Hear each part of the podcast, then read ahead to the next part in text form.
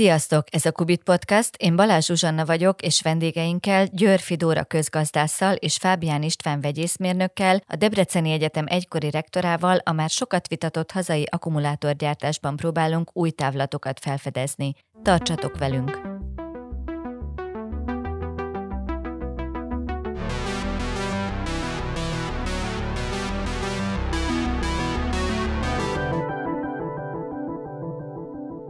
Ti másfél-két évvel ezelőttig foglalkoztatok a saját szakterületetekkel, és aztán egyszer csak jött Magyarországra az akkumulátor boom, és azon maroknyi szakemberek közül valók vagytok, akik nagyon mélyen beleásták más-más oldalakról az akkumulátorgyártás folyamatába, gazdaságába, környezetterhelésébe magukat. Hogyan indult el ez az út? Teljesen személyes érdeklődésem volt. Kisfiammal rendszeresen járunk horgászni, vízparton vagyunk, és, és Gödöt is nagyon szeretjük, úgyhogy amikor Bodnár Zsuzsa elkezdte publikálni Gödről a cikkeit az akkumulátor gyártás kapcsán, akkor, akkor én nagyon korán figyelmes lettem, és, és nagyon szorosan követtem mindazt, amit írt. És emellett nekem a, a szakterületem az, hát bizalommal foglalkoztam, intézményrendszerrel, gazdasági fejlődéssel, és ez úgy tűnik, mintha nagyon távol állna ezektől a témáktól, de valójában pontosan azt mutatja meg, hogy az ilyen rendszerek milyen típusú gazdasági modellt követnek, és, és ilyen szempontból hát így összejött a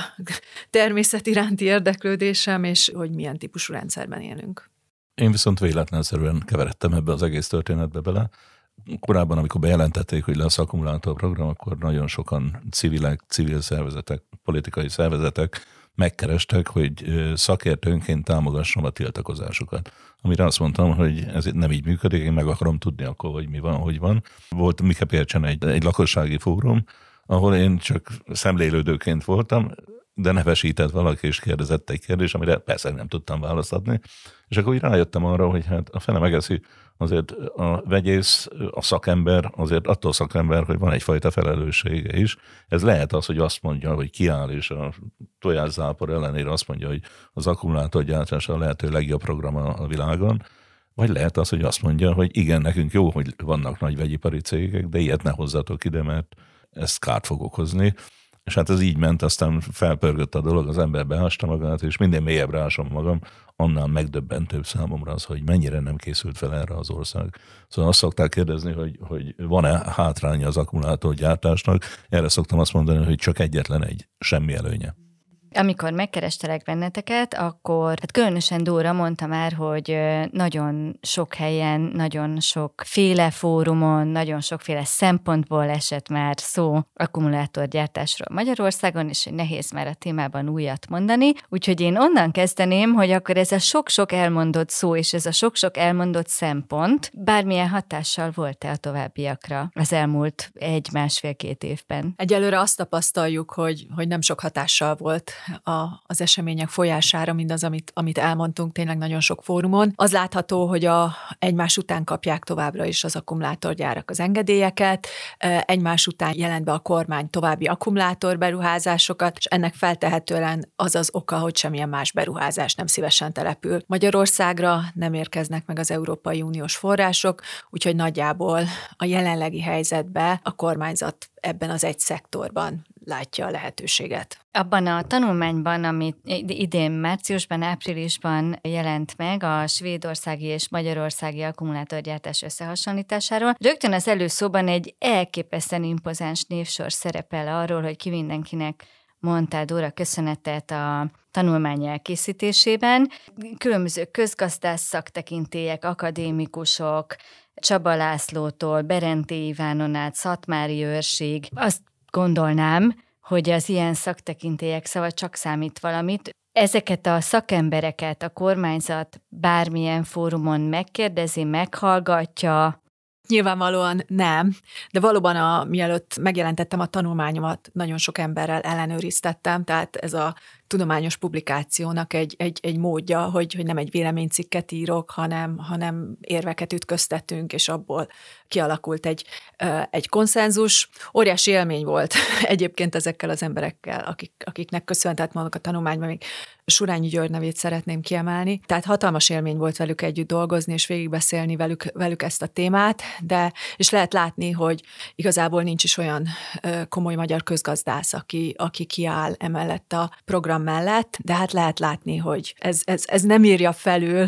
azt, azokat a korlátokat, amit a kormányzat saját maga állított azzal kapcsolatosan, hogy mi minden történhetne még Magyarországon, tehát jelenleg igazából ez az egyetlen szektor, ahol beruházások érkeznek. Akkor, hogyha a korlátokról beszélünk, akkor most Istvánt kérdezném, te többször elmondtad különböző fórumokon, hogy az akkumulátor technológia annyit fejlődött az utóbbi tíz évben, hogy várható annak következő 10-15 évben is hasonló fejlődésen fog keresztül menni, és hogy nem biztos, hogy a lítium technológia lesz a legkeresettebb ebben a szektorban. Most ma mik azok a technológiák, amik alternatívát jelentenének, és ma ebben a pillanatban mi a gátja annak, hogy ezeket a technológiákat használják? Világos. Azzal kezdeném, hogy természetesen igaz, ami, hogy egy hatalmas nagy fejlődés megy az akkumulátorkutatásban, de azt látni kell, hogy a lítium akkumulátor, a lítium alapú akkumulátor volt az, ami a legjobb paraméterekkel rendelkezett, és nyilvánvaló, hogy ezért történik az, hogy tulajdonképpen mindenütt ez megy ki az iparba, a technológiába. Ugyanakkor maguk a gyártók is tudják azt, hogy ennek egyszer vége lesz, mert a lítium bányászattal gondok vannak, a lítium forrás beszerzésével gondok vannak, és hát persze, ahogy ilyenkor lenni szokott, beindult a tudományos élet. A gátja, hogy az új technológiák elterjedjenek, annak egyetlen egy oka van, szerintem még nem tartanak ott. Ezen a héten is olvastam egy, egy új akkumulátor fajtáról. Ezek megjelennek, mint fejlesztések, de még ezek nem technológia, nem tudományos fejlesztések, tehát ez a probléma. De a szélesebb kontextusban teszem a dolgot, Számomra nem kérdés az, hogy az akkumulátoros autókat egy idő után a hidrogén meghajtások vissza fogják szorítani valamilyen szinten, vagy lehet teljesen is, ugyanis ezen a területen is hihetetlen nagy aktivitás látható, és újabb és újabb megoldások jelentkeznek. Tehát én maximálisan meg vagyok győződve arról, hogy azok az akkumulátorgyárak, amelyek most létesülnek Magyarországon, vagy profilt váltanak, vagy nem fogják tudni végigvinni azt a programot, akár tíz év múlva sem, amit most gondolnak, hogy csinálni fognak. De ebben a pillanatban viszont, ha akkumulátorgyárat akarunk telepíteni, akkor mégiscsak a litium technológiára kell alapozni. Így van, ugye azt lehet tudni, hogy van egy nátrium alapú akkumulátor, ami például a CATL Kínában, ha jól tudom, gyárt is, de valóban lítium alapúak ezek az akkumulátorok. Ha én most lítium gyártó lennék, vagy ebben az üzletában gondolkoznék, nyilvánvaló, hogy azt a fellendülést használnám ki én is, ami most van, csak ez nem biztos, hogy hosszú távon működik, és van egy olyan gyanúm, hogy ők se hosszú távra terveznek. Hogyha a CATL Kínában egyébként már hasznosítja is ezt a nátriumionos technológiát, akkor a Debrecen mellett most épülő gyárban például van-e bármi akadálya annak, hogy amit most gyárat litiumion technológiára létrehoznak, az mondjuk tíz év múlva valamilyen úton, módon átszerelvényezzék a nátriumionos technológiára? Hát amennyit én tudok ezekről a technológiákról, a lítium-nátrium csere nem egy olyan nagy probléma, tehát nagyjából hasonló technológiai lépések vannak, nyilván mindegyiket finomra kell hangolni. Igazából nem ez lesz a gond, hanem ha valaki egy egészen más alapú, például fémmentes akkumulátorral jön elő, akkor szinte biztos, hogy az az infrastruktúra, amit most építenek mondjuk Debrecenben, az alkalmatlan lesz ennek az új fajtának a gyártására. Tehát ezt meg kell várni, hogy mi fog történni. Erre most kapásból senki nem tud választ adni szerintem. De hogy végső soron ez egy lehetőség. Ez egy lehetőség, abszolút egy lehetőség. Még egyszer, a lítium-nátrium váltás az nem egy olyan nagy dolog, egyébként környezetterhelés szempontjából sem. Tehát valószínűleg a versenyképes alternatíva az nem a nátrium akkumulátor lesz, hanem valami egészen más. Mert hogy a nátriumionos technológia az ugyanúgy szennyezni a környezetet hasonló mértékben? Nem, kisebb mértékben azt tegyük hozzá, kisebb mértékben, de a, a technológiának a víz, energia és egyéb igényei azok nagyon hasonlóak, amennyire én tudom. Viszont, hogyha már így szóba jött a, az EU és a hidrogén hajtású autók, én egyre gyakrabban találkozom azzal az érveléssel, hogy azért van nagyon nehéz helyzetben nem feltétlenül csak Magyarország, hanem az összes európai ország, mert hogy 2035-től csak elektromos meghajtású autót lehet az EU irányelvei szerint forgalomba helyezni, és ehhez ugye sok-sok akkumulátorra van szükség, és hogy ezért van Magyarország sarokba szorítva, az EU kényszeríti bele a szabályozás hiányában az országot. Ez az érvelés mennyire állja meg a helyét? Egyáltalán nem. Az, hogy az EU-ban van egy ilyen szabályozás, ez az autógyárak problémája. Senki nem tartja a pisztolyt a kormányzat fejéhez annak érdekében, hogy elképesztő mértékben magyar adófizetői pénzekből támogassa ezt a szektort. Tehát ez, ez teljes egészében egy kormányzati döntés. És nagyon fontos látni a nagyságrendeket. Magyarországon évente gyártanak 440 ezer autót, hogyha mindegyikbe beleteszünk egy 100 kWh teljesítményű akkumulátort, akkor kellene mondjuk 44 gigawattóra akkumulátorkapacitás Magyarország számára, ez most már bőven rendelkezésre áll. Szlovákiában 8-900 ezer autót gyártanak egy évben, ott igazából még nincs nagy akkumulátorgyár. Egy Innobat nevezetű szlovák startup cég az, ami tervez egy, egy 10 gigawattóra kapacitású akkumulátorgyárat, illetve Csehországban közel másfél millió autót gyártanak egy évbe. Ott, ott úgy volt, hogy oda megy egy, egy Volkswagen akkumulátorgyár 40 gigawattóra kapacitással. Ez végül is valószínűleg nem fog megvalósulni, de ez azt jelenti, hogy a csehek nem akartak beszállni abba a versenybe, ahogy mekkora támogatást nyújtanak ezek ezeknek az ázsiai akkumulátorcégeknek, tehát annak ellenére, hogy a cseh autóipar mondjuk kb. háromszor annyi autót állít elő, mint a magyar, annak ellenére Csehországban még, még nincs akkumulátorgyár, ők majd beszerzik tőlünk az akkumulátort, úgyhogy nem szennyezik a környezetet, és mondjuk költhetik az adófizetői pénzeket az oktatásra, míg nálunk azokat az adófizetői pénzeket, amiket ráköltenek a, a kínai, meg az ázsiai akkumulátorgyártókra, azok ugye hiányoznak máshonnan az egészségügyből, az oktatásból és a szociális ellátásból. Igen, ezt egyébként a tanulmányodban is érintetted, ugye a Vas és Acélországa párhuzamot a szocialista iparpolitikával. Én azért azt gondolnám, hogy a szakpolitikusok is olvasták az általad hivatkozott Kornei János szöveget. Szerinted mi lehet az oka, hogy annak ellenére, hogy vélhetően értik a veszélyeket, amivel az egylábon álló iparpolitika fenyeget, tudnélik idézlek, drámaian visszaeső lakossági fogyasztás, legyengülő mezőgazdaság, kereskedelem, közlekedés, egészségügy és felsőoktatás, idézője bezárva, tehát mi lehet az oka annak, hogy ezekre a lehetséges következményekre fityet hányva mégiscsak az akkumulátorkapacitást növeljük? Azokat a, az üzleteket, amiket, amiket bejelentettek, azokat valószínűleg éveken keresztül tárgyalták, és nagy valószínűséggel a, a kínai CATL gyárral kapcsolatos tárgyalásokat, azt, azt még a orosz agresszió előtt tárgyalták le, akkor még jó ötletnek tűnt, eset áll fenn, azt gondolom, és még egyszer nagyon-nagyon nehéz váltani, tehát abban, abban biztos vagyok, hogy, hogy ez kormány szinten sem volt rendesen végiggondolva, ez látszik a Nemzeti Akkumulátor Stratégiából, látszik az, hogy, hogy azóta sem sikerült ö, semmilyen ilyen épkézlábszámítást bemutatni arról, hogy azok az írtozatos adófizetői pénzek, amik, amik tényleg nagyon súlyosak. A múltkor a külügyminiszter azt mesélte el, hogy 800 milliárdnyi beruházás érkezik Magyarországra 300 milliárdnyi adófizetői pénz ellenében, ami azért egy óriási nagy támogatási arány, plusz még kiépítik nekik szintén adófizetői pénzből a, a, az energetikai, a víz és a közlekedési infrastruktúrát. Tehát a kormányzat még, még semmilyen módon nem kommunikálta azt, hogy, hogy akkor ez mégis hogyan éri meg a magyar adó, adófizetőknek, tehát ilyen szempontból ez nincs átgondolva. Na most, hogy ez, ez miért jó? Hát közérdeket nagy valószínűleg nem szolgál, tehát akkor a magánérdekeket szolgálja valószínűleg. Magánérdek az, hogy akkor kikapják ezeket a, az építési megbízásokat,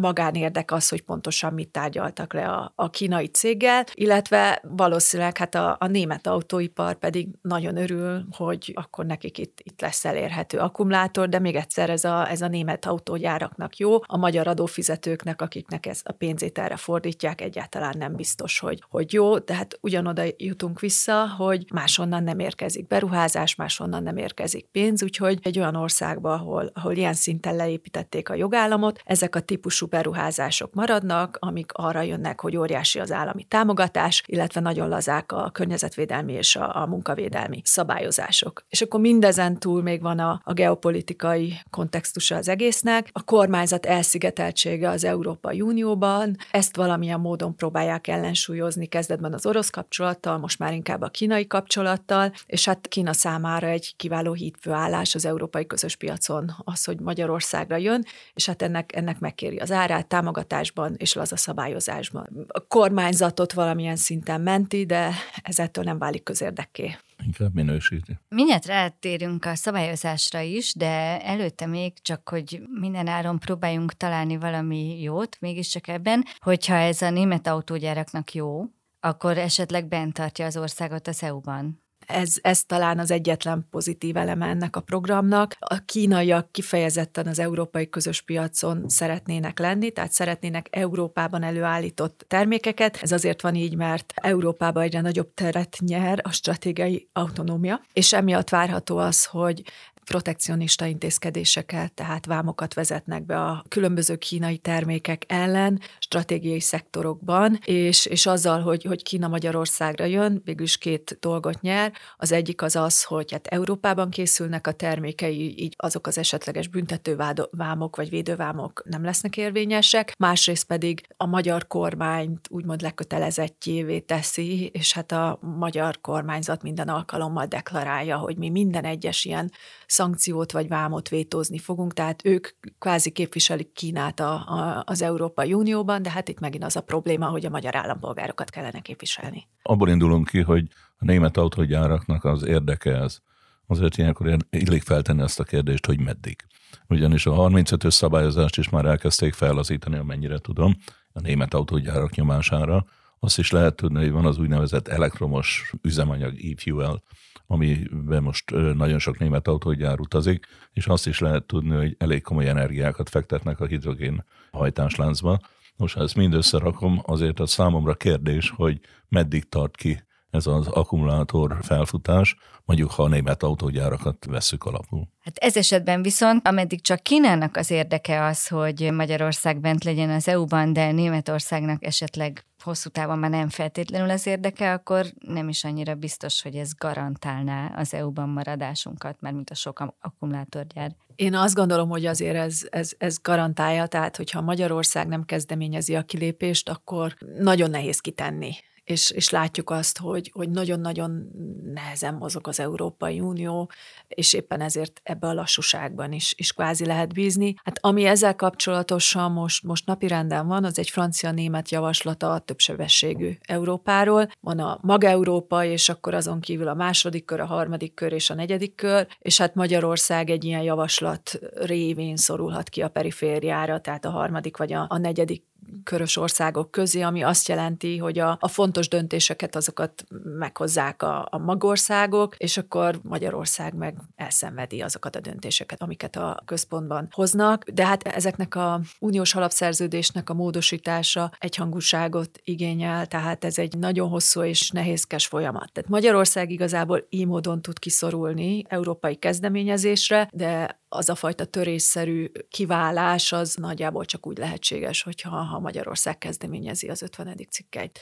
Láttuk azt, hogy, hogy ez is egy nagyon hosszú folyamat, tehát Nagy-Britannia esetében 2016-ban volt a szavazás, és 2021-ben kerültek ki az Európai Unióból. Zárójelben jegyzem meg, hogy most már 60% fölött van azoknak az aránya, akik, akik szívesen szavaznának a visszalépésre. Még a, a briteknek sem ment olyan jól, de, de az egész történetnek az a lényege, hogy igazából a törésszerű huxit, az, az, az csak magyar kezdeményezésre valósulhat meg szerintem. A, a perifériára szorulás az pedig folyamatos, és hogy ez, ez mennyiben intézményesül, ez, ez is csak az évtized végére várható, mint ez a német-francia kezdeményezés sorsa fogja meghatározni. És hogyha viszont a szabályozásról van szó, ugye ezek az akkumulátorgyárak Magyarországon jellemzően kiemelt gazdasági övezetekben jönnek létre, amiről a szakemberek azt mondják, hogy emiatt egyszerűsített eljárásokkal gyorsabban kapnak engedélyeket. Ezzel szemben viszont például Debrecenben az akkumulátorgyár elfogadtatásának a céljából létrehoztak egy kormányzati tájékoztató oldalt, amely tájékoztató oldal azt állítja, hogy még az EU-s szabályozásnál is szigorúbb szabályozás alá fog esni a CATL gyárnak a létrehozása, működtetése, mihez képest, vagy egyáltalán erről a monitorozásról mit lehet tudni? Ez egy nagyon összetett kérdés. Az állítás így van, hogy még szigorú lesz, mint az EU szabályozás. Pont a héten kaptam információt arról, hogy bizonyos határértékekre nem is volt megállapítva semmi, és végül is a német szabályozás veszük át, tehát szerintem több sebből vérzik ez az állítás. A monitorozással kapcsolatban először is van egy személyes véleményem, ha már egyszer megvalósult egy ilyen beruházás, akkor a monitorozás persze jó, mert legalább tudjuk, hogy mikor és hogy mérgeznek bennünket, de alapjában véve akkor már ez elég késő. Ráadásul a monitorozással kapcsolatban azt kell tudni, hogy létrejött egy monitorozó csapat, fogalmazzak így, azzal indult a dolog, hogy titkossági nyilatkozatot kellett mindenkinek aláírnia. Én ismerek olyan kollégát, aki emiatt nem vállalta a részvételt. Tehát, hogyha a monitorozás nem lesz nyilvános, és azonnal nyilvános, tehát nem lesz idő arra, hogy a eredményeket valamilyen módon kreatívan átdolgozzák, akkor lenne értelme, de ennek semmi jelét nem lehet látni. Még egy dolgot érdemes ezzel kapcsolatban megemlíteni, a monitorozást, ha komolyan veszük, már most el kellene kezdeni, hogy tudjuk, hogy mi az alapszint. Tehát ez egy nagyon fontos dolog, ugyanis nagyon sok, hát láttam már néhány vegyipari céget, nagyon sok vegyipari cégnél ez nem történt meg előre, és utólag az a hivatkozás, hogy de hát a kosz már ott volt, a szennyeződés ott volt, ez nekünk az égvilágon semmi közünk. Én az NMP nevű szerves oldószerről hallottam, de biztosan több ilyen anyag is van, aminek a, illetve kérdezem, van több ilyen anyag is, aminek állítólag a viszonyítási szintjét majd egy ilyen próbaüzem alapján fogják belőni. Ezt mi indokolja? Kezdjük azzal, hogy egy technológiában, hogy milyen anyagot használnak föl, az ugye a technológia része, hogy erre van-e szabályozás, vagy nincs, az attól függ, hogy valahol használták-e már. Na most ebből fakadhat az, nem csak az akkumulátorgyárak esetében, hanem bármilyen más gyártási technológia esetében, hogy bizonyos anyagokra nincs határérték. Ilyenkor ugye két lehetőség van. Az egyik lehetőség az, hogy valamilyen módszerrel megállapítják azt, hogy végül is mi legyen a határérték. Egy bevált módszer az, hogy analóg, tehát nagyon hasonló, de már határértékkel rendelkező anyagokhoz viszonyítják, és az, az alapján állapítják meg. Az, hogy a próbagyártás után állapítjuk meg a határértéket, az számomra értelmezhetetlen, meg hogy mondjam, mert hát akkor olyan próbagyártást csinálok, ahol nagyon magas lesz mondjuk a lítium kibocsátás, oda belőjük a határértéket, és akkor minden rendben van. Tehát ez neki nem így lenne szabad működnie, valódi toxikológiai vizsgálatok, egészségügyi hatások vizsgálatára lenne szükség, illetve ezeknek az analógiáknak a feltárására. Na most azt látni kell, látni lehet, hogy az engedélyezési anyagban persze minden le van papírozva, minden rendben van, és tényleg vannak olyan anyagok, amire nincs határérték megadva. Nem akarok nagyon hosszan az NMP-n lovagolni, de erről úgy hírlik, hogy karcinogén, vagyis rákkeltő, illetve teratogén, vagyis magzatkárosító hatású vegyületről van szó. Ennek akkor legalább egy egészségügyi határértéke kellene, hogy legyen, nincs. Pontosan, én nem tudok róla, hogy mi a pontos határérték, hogy mit adtak meg, de valóban ez az egyik olyan anyag, ami, aminek a hatásával foglalkozni kellene, mert elég súlyos egészségügyi hatásai vannak, és hát azt tudjuk, hogy Gödön meg ki is szabadult a gyárból, bár ezt most már tagadják. És akkor vissza is kanyarodhatunk a monitoring kutak kérdésére. Ugye Gödön ezeket a bizonyos kutakat kivonták a forgalomba.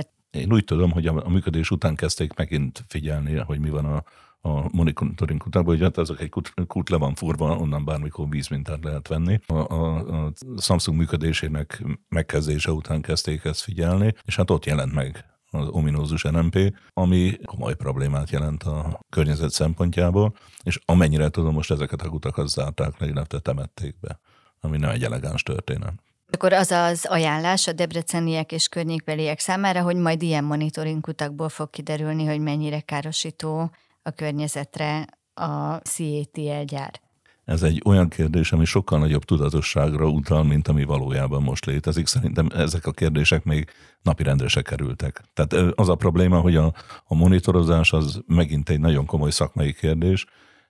Nem feltétlenül kell össztársadalmi vitára bocsájtani, de azért jó lenne, hogyha részleteket látná az ember. Lennének, vannak szakemberek, akik mondjuk tudnák véleményezni, hogy ez normális, nem normális, így jó, nem így jó. Én ezekről a részletekről semmit nem tudok például. Egy geológustól azt hallottam nemrégiben, hogy az akkumulátorgyártás vagy az akkumulátorgyárak talajvízre, talajösszetételre gyakorolt hatásai meg sem közelítik várhatóan a Tiszaújvárosi egykori TVK most MOL Petrokémia gyárból a talajba jutó szennyeződés mértékét. Ez igaz? Az ilyen kijelentéseket nagyon óvatosan kell kezelni, ugyanis tény és való, hogy a szocialista nagy, nagyipar, a nagy vegyipar idejében a környezetvédelem az nem volt központi kérdés. Hozzátenném, hogy ráadásul ez nem is csak a szocialista nagy vegyiparnak, hanem a világon mindenütt a vegyiparnak ez volt a tulajdonsága. Most ez is egy alapvető probléma, hogy vannak olyan területek, ahol sokkal korábban, évtizedekkel korábban elszennyezték a talajt, ettől nem szabadultak meg, és hogyha erre most egy modern technológia épül, egyáltalán nem biztos, hogy ők tovább szennyezik. Ezt megint konkrétan mérésekkel, monitorozással lehetne eldönteni, hogy változik a szint, vagy nem változik a szint. Debrecenben is tudok olyan talajszennyeződésről, ami hosszú évtizedekre visszamenőleg ott van, és nem változott semmit, tehát nem változott a, a szennyezettség szintje. Azért gondolom, hogy ez nem biztos, hogy a legújabb tevékenységhez köthető. Na most az, hogy régen voltak mondjuk komoly környezetszennyezések is, akkor ez menti az akkumulátorgyárakat, mert hogy kevésbé szennyezik a környezetet, ez viszont abszolút elfogadhatatlan. Közben az EU egy vizsgálódást azonban elindított a Debreceni CATL gyár víz, potenciális vízfogyasztása ügyében, és annak hatása ügyében. Ez miről szól pontosan? Először is remélem, hogy nem csak a CATL ügyében indított el, hanem egyáltalán a debreceni vízbázisok használatával kapcsolatban, mert jelenleg egyébként szerintem ez egy kommunikációs stratégia is a CETL meg az érdekeltek részéről, hogy mindig csak egy gyárnak a vízfogyasztásáról beszélnek. Van egy előadásom, én abban kiszámoltam a tervezett, illetve megvalósuló beruházások Debrecen környékén körülbelül egy olyan 25-26 ezer köbméter per nap terhelést jelentenek, ami a CETL igényének mondjuk egy két-háromszorosa. És ez, ez reális számnak tűnik. Most erről kellene beszélni, ami pedig a Debrecennel kapcsolatos EU-s vizsgálatot illeti, ugye van egy vízirányelv, nem tudom a pontos nevét, egy ilyen vízirányelv, ami a, a, a sérülékeny vízbázisoknak a védelméről szól, és Debrecennek a, a talajban található vizei azok sérülékeny vízbázist jelentenek, ami azt jelenti, hogy azt meg kell nézni, hogy ez milyen mértékben sérül. Ugye az ország azt vállalt egyébként, hogy a minőségét megőrzi, sőt, ha lehet, javítja azt lehet garantálni, hogy egy megnövekedett vízkivétel az nem fogja javítani a vízbázisnak a minőségét, tehát szerintem ezt fogják vizsgálni. A másik, a vizsgálatnak nem tudom, hogy tárgya vagy nem tárgya, másik része pedig az, hogy a város az ivóvíz egy részét a keleti főcsatornáról kapja, meg a víz a keleti főcsatornáról érkezik a Civakván keresztül. Az utóbbi az izgalmas, mert az EU-s pénzből valósul meg, az viszont ipari célra nem lehet felhasználni, tehát nyilván ezt is meg fogják nézni, hogy valóban azok az EU-s támogatások, azok valóban azt a célt szolgálják, amire kapta az, a város. Tehát nagyon sok mindent kellene tisztázni. A legnagyobb problémát egyébként ott látom, hogy mind a mai napig nem lehet tudni pontosan, hogy a CETL-nek mi lesz a vízfogyasztása, mert egy tólik határt adnak meg a napi fogyasztásra, ami 3300-tól 6300 köbméterig van, tehát ez az a tartomány. Hát nem mindegy, hogy 364 napon keresztül melyik végén dolgozik a cég. De ez a 3000 párszáztól 6000 párszáz köbméter napi fogyasztás, ez amúgy reális? Ez reálisnak tűnik most már. Korábban a Gödi gyártásnál volt egy, egy horribilisen nagy szám, de most már ők is korrigálták, és nagyjából pariba van most már a vízfogyasztás. Tehát ez a 6000-7000 köbméter a jelenlegi kapacitás, vagy jelenleg tervezett kapacitáshoz, ami ugye 40 gigawatt ehhoz reálisnak tűnik, de ezt mindjárt meg kell szorozni kettő és féle, hogyha eljutunk a, az eredetileg tervezett 100 gigawattórás kapacitáshoz. Illetve Debrecen mellett a déli ipari parkban nem a CATL az egyetlen akkumulátorgyártás silánchoz kapcsolható gyár, tehát gondolom, hogy a Semcorp, ami a szeparátorfólia gyártással fog foglalkozni, illetve az EcoPro, ami a katódgyártással fog foglalkozni, az, az, ezek is vízigényesek, vagy hát ezeknek e, nem kell víz? Erről beszéltem, hogyha ezeket összeszámolom, tehát beleszámolva a BMW-t, a BMW-nél létesülő új akkumulátorgyárat, aminek most egyelőre csak becsült vízfogyasztása van, a, és az említetteknek, ezeket ha összerakom, akkor jön ki a 21 néhány ezer köbméter per nap terhelés, ami azt jelenti, hogy határa tolja a jelenlegi ivóvíz kapacitását a városnak. Ez a maximális ivóvíz kapacitás ráadásul nem is úgy van feltétlenül kiszámolva, hogy az év minden napján tudja ezt a mennyiséget szolgáltatni a szolgáltató, ha jól tudom. Igen, tehát tulajdonképpen arról van szó, hogy a, a, a város teljes most felhasználható vízkapacitása az 70 ezer köbméter per nap, és a város átlagos vízfogyasztása az 40 ezer köbméter per nap, de például nyári melegben ez fel tud futni egész 60 ezer köbméter per napra. Ott már mindjárt az lesz a kérdés, hogy hogy szkanderezi le a város lakossága és a CETL, hogy kikapja a vizet, mert hogy a jelenlegi kapacitás ennyit tesz lehetővé. És ha már vízről beszélünk, azért van egy dolog, ami szintén nem kapott igazából kellő figyelmet. A CETL anyagából kiderül, hogy nekik az ivóvíz minőség se jó, ugyanis hőcserélésre használják, az ivóvízből ki kell szedni a sótartalmat. A sótartalom kiszedése az pedig egy eléggé komoly környezetterhelő technológia, ami azt jelenti, hogy, hogy ezzel a környezetterheléssel is számolnunk kell. Sőt, még egy dolog, ugye arról beszélnek, hogy majd újra hasznosítják a vizet, miután a víznek 85%-a elpárolog, az biztos, hogy nem fogja senki újra hasznosítani.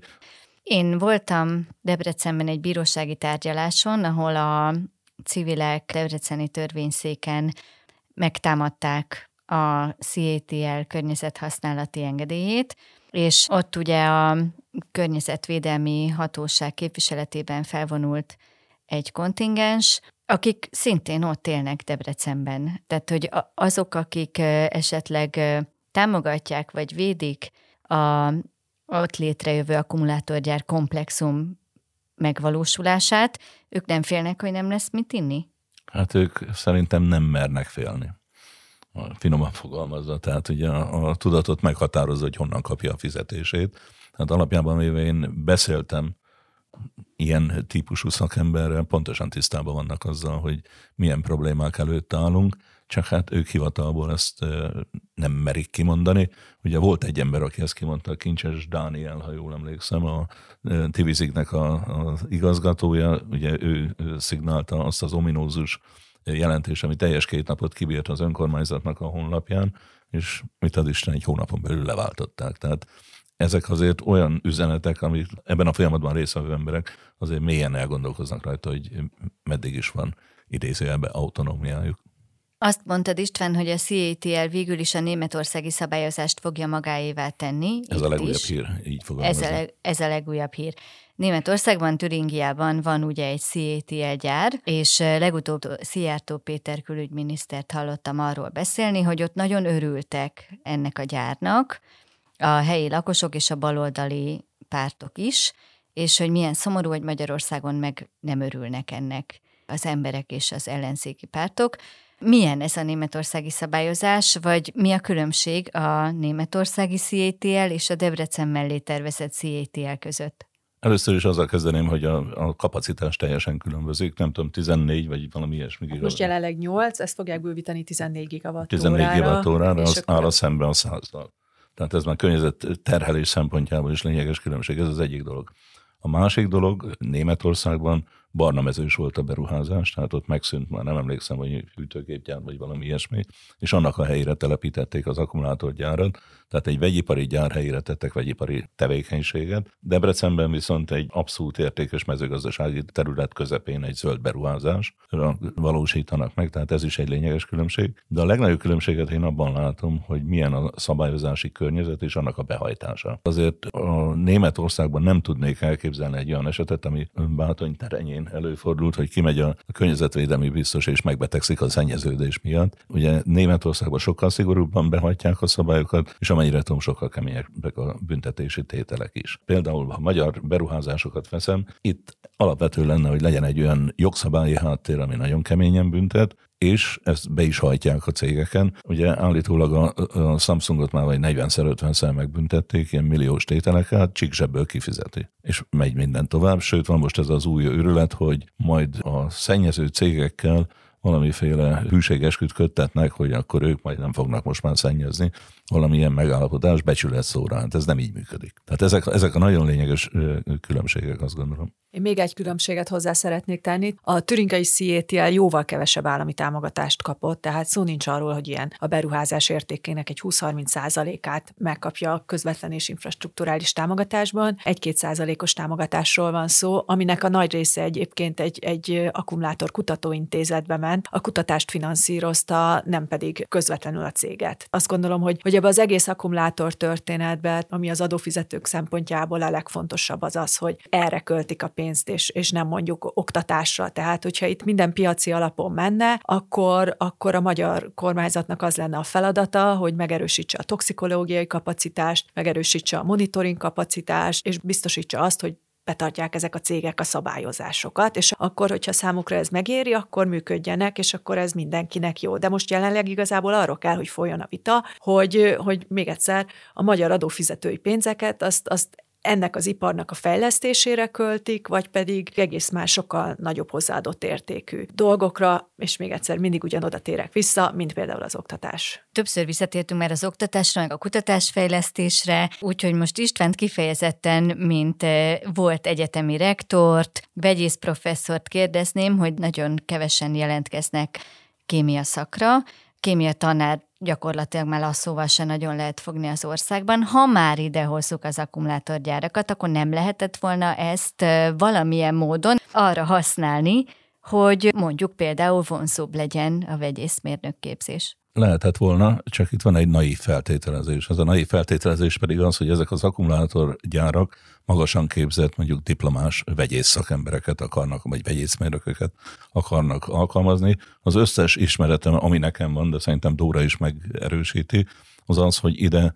olyan szakképzetlen, alacsonyan képzett embereket fognak behozni, vagy alkalmazni, akik eszemben nem az az elvárás, hogy magas szintű mondjuk kémiai ismeretei legyenek, hanem az az elvárás, hogy egy betanított munkát minél precízebben végrehajtsanak. Ez egyébként engem nagyon aggaszt, mert hogy akárhogy is nézzük, az akkumulátorgyártás az egy veszélyes vegyipari üzem, és hogyha egy veszélyes vegyipari üzemben olyan gyors talpalon részt vett munkerőt alkalmaznak, akik mondjuk kaptak két-három hónap kiképzést, és utána beállítják őket ebbe a rendszerbe, akkor van a baj, Nyilván, ha megy minden rendben a maga módján, akkor nincsen semmi probléma, ha viszont van valami havária, valamilyen probléma, akkor viszont a szaktudásnak nagyon nagy jelentősége lenne. Na most visszatérve az általános oktatási problémákra, tehát ugye ezen elgondolkozott mindenki, hogy hogyan lehetne akkor a, az egyetemen ö, olyan programokat indítani, olyan oktatási programokat, kutatási programokat indítani.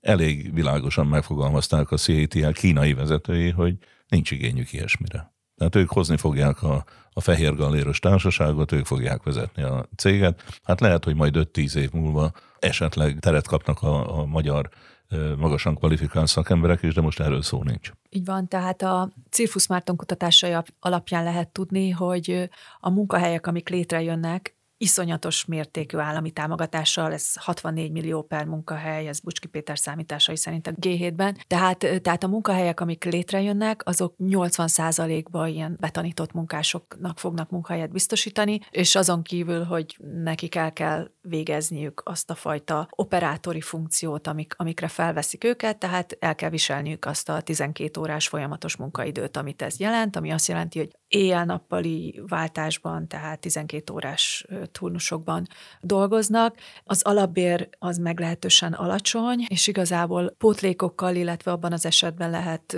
viszonylag normális bért kapni ezekben a gyárakban, amennyiben egyáltalán nem hiányoznak egy adott hónap során, és hát veszélyes anyagokkal dolgoznak. Hallhattunk nikelmérgezésről Komáromból, arról, hogy a védő felszerelések nem feltétlenül megfelelőek, és, és emiatt a betegségek is rendszeresek, tehát igazából ezt, ezt két évre javasolják ezt a munkát, és hát erre is próbálják megírni a vendégmunkások számára a szabályozást, hogy, hogy akkor Ázsiából importálnak ilyen munkaerőt, aki két évig itt, itt robotol, és akkor utána hazamegy, de az biztos, hogy ezek nem olyan típusú munkahelyek, amelyek magas hozzáadott értékűek, magas bérű munkát biztosítanak, és magas életminőséget biztosítanak. Még egyszer ezek 80%-ban operál operátori állások, és a magasabb bérű állásokat, a fehér galléros állásokat pedig külföldiek töltik be, és emiatt szoktuk azt mondani, hogy még abban az esetben is, hogyha névlegesen megemeli az ország GDP-ét,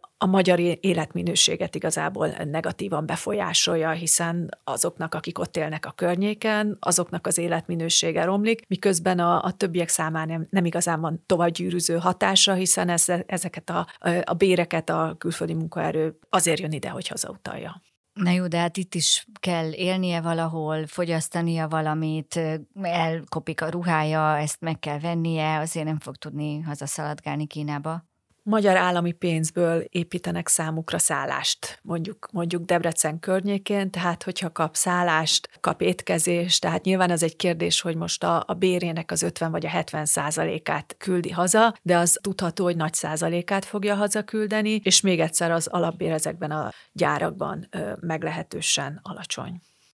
De akkor mi az a kutatásfejlesztés, amire például a németországi CATL-ben odafigyeltek? Tehát mit lehetne ehelyett csinálni?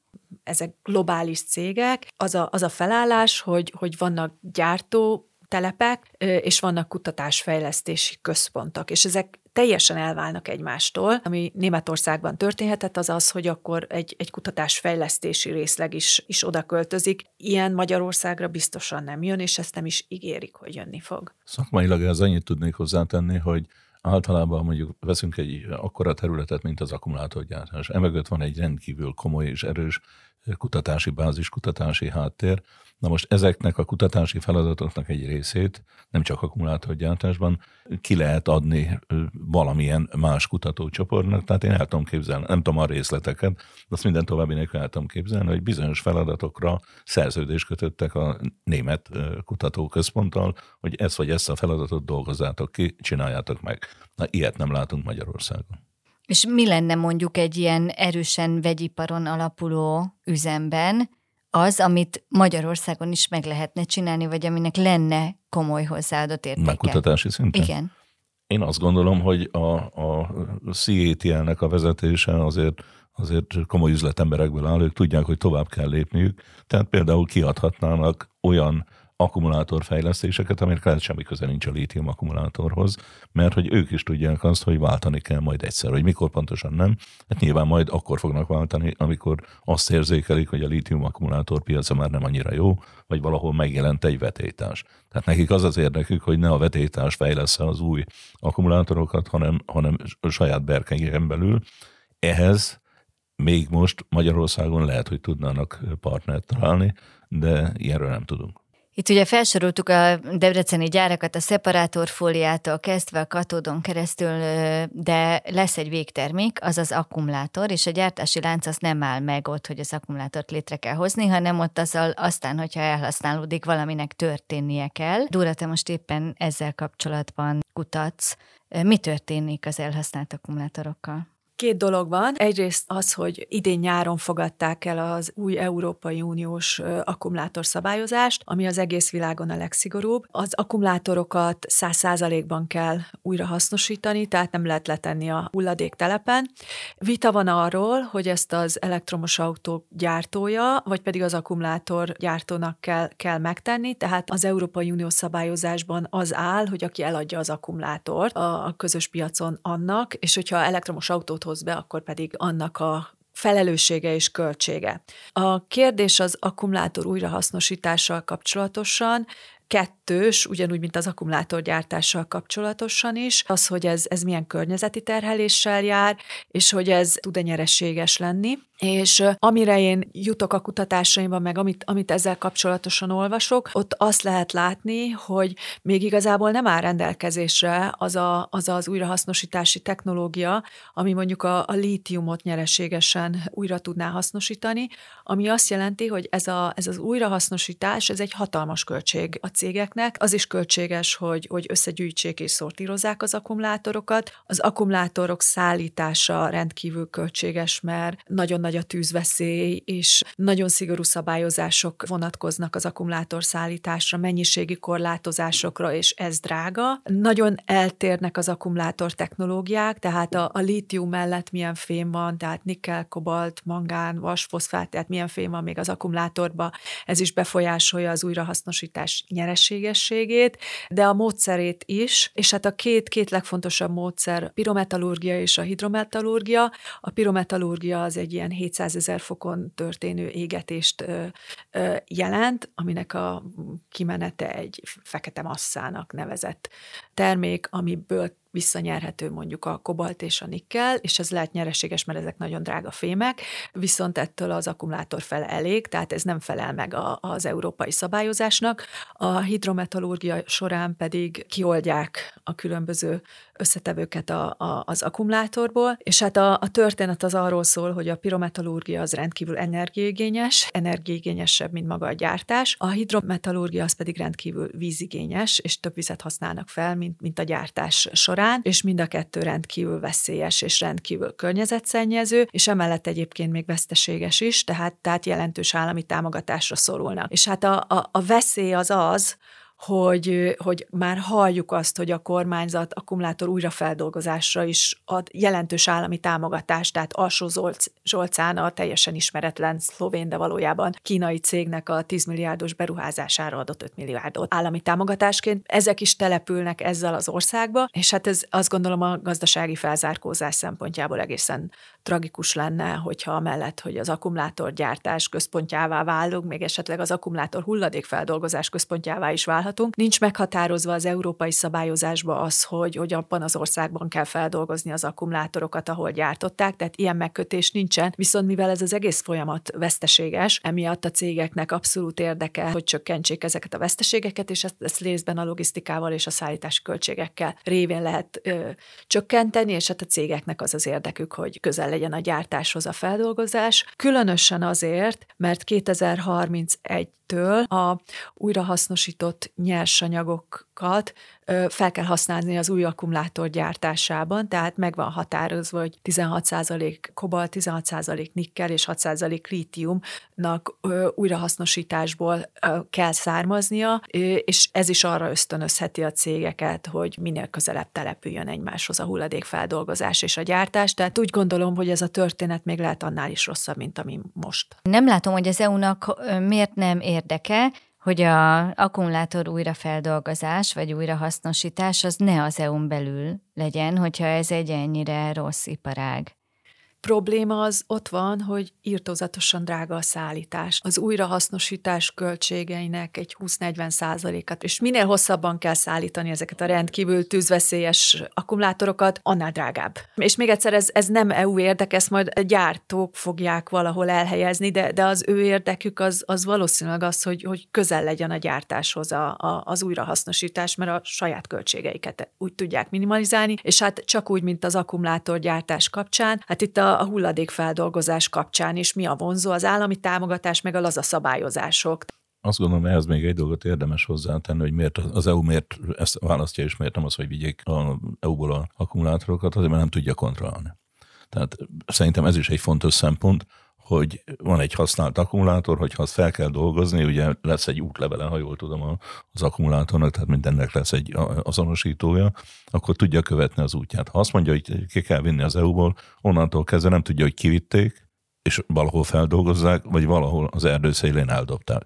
Na most ez egy abszolút reális veszély egyébként, hogy ha, ha nincs kontrollálva az útja az akkumulátornak, akkor abszolút veszély az, hogy ez itt marad az EU-ban feldolgozatlanul, ami a legrosszabb. Tehát ez biztos, hogy nem érdeke az európai országoknak. Egyébként csak megerősítem, hogy nagyon környezetszennyező a technológia, a hidrometallurgiához még hozzátenném, hogy nem csak a vízigénye nagy, hanem nagyon komoly vegyszerigénye van, ami szintén költséget, környezetszennyezést, nagyon sok mindent jelenthet, és hát azt látja az ember a szakirodalomban, hogy megint jönnek, ami szokott lenni ilyenkor, hogy elindult a boom, tehát egyre több olyan cikket látunk, ami valamilyen módon kötődik a akkumulátor, használt akkumulátorok feldolgozásához, de még azért nem látszik az a kiforrott technológia, amire azt mondaná az ember, hogy ez már talán működőképes. És ennek az egész technológiai fejlesztésnek az is az eredménye, hogy, hogy igazából a kutatások nagy része az az új akkumulátorok létrehozására koncentrál, és ahogy újabb és újabb akkumulátorok jönnek ki, a tíz évvel korábbi akkumulátorokat hogyan tudják feldolgozni, arra sokkal kisebb erőfeszítés fordítódik, mint a legújabb csoda technológia létrehozására. És igazából, amit találtam az irodalomban, az az, hogy azért is nagyon nehéz az akkumulátor újrahasznosítása, mert a, a rendkívül különböző akkumulátorokra mindre más technológiát kellene kidolgozni, és mire kidolgozzák, addigra már új technológia jön, és ilyen szempontból van egy versenyfutása között, hogyha standardizálva lennének az akkumulátorok, akkor ki lehetne rá dolgozni technológiát, de viszont az megállítaná az innovációs folyamatot, amire viszont szükség van, mert tudható, hogy a lítium ugyanúgy meg nem újuló erőforrás, mint, mint a foszilis energia.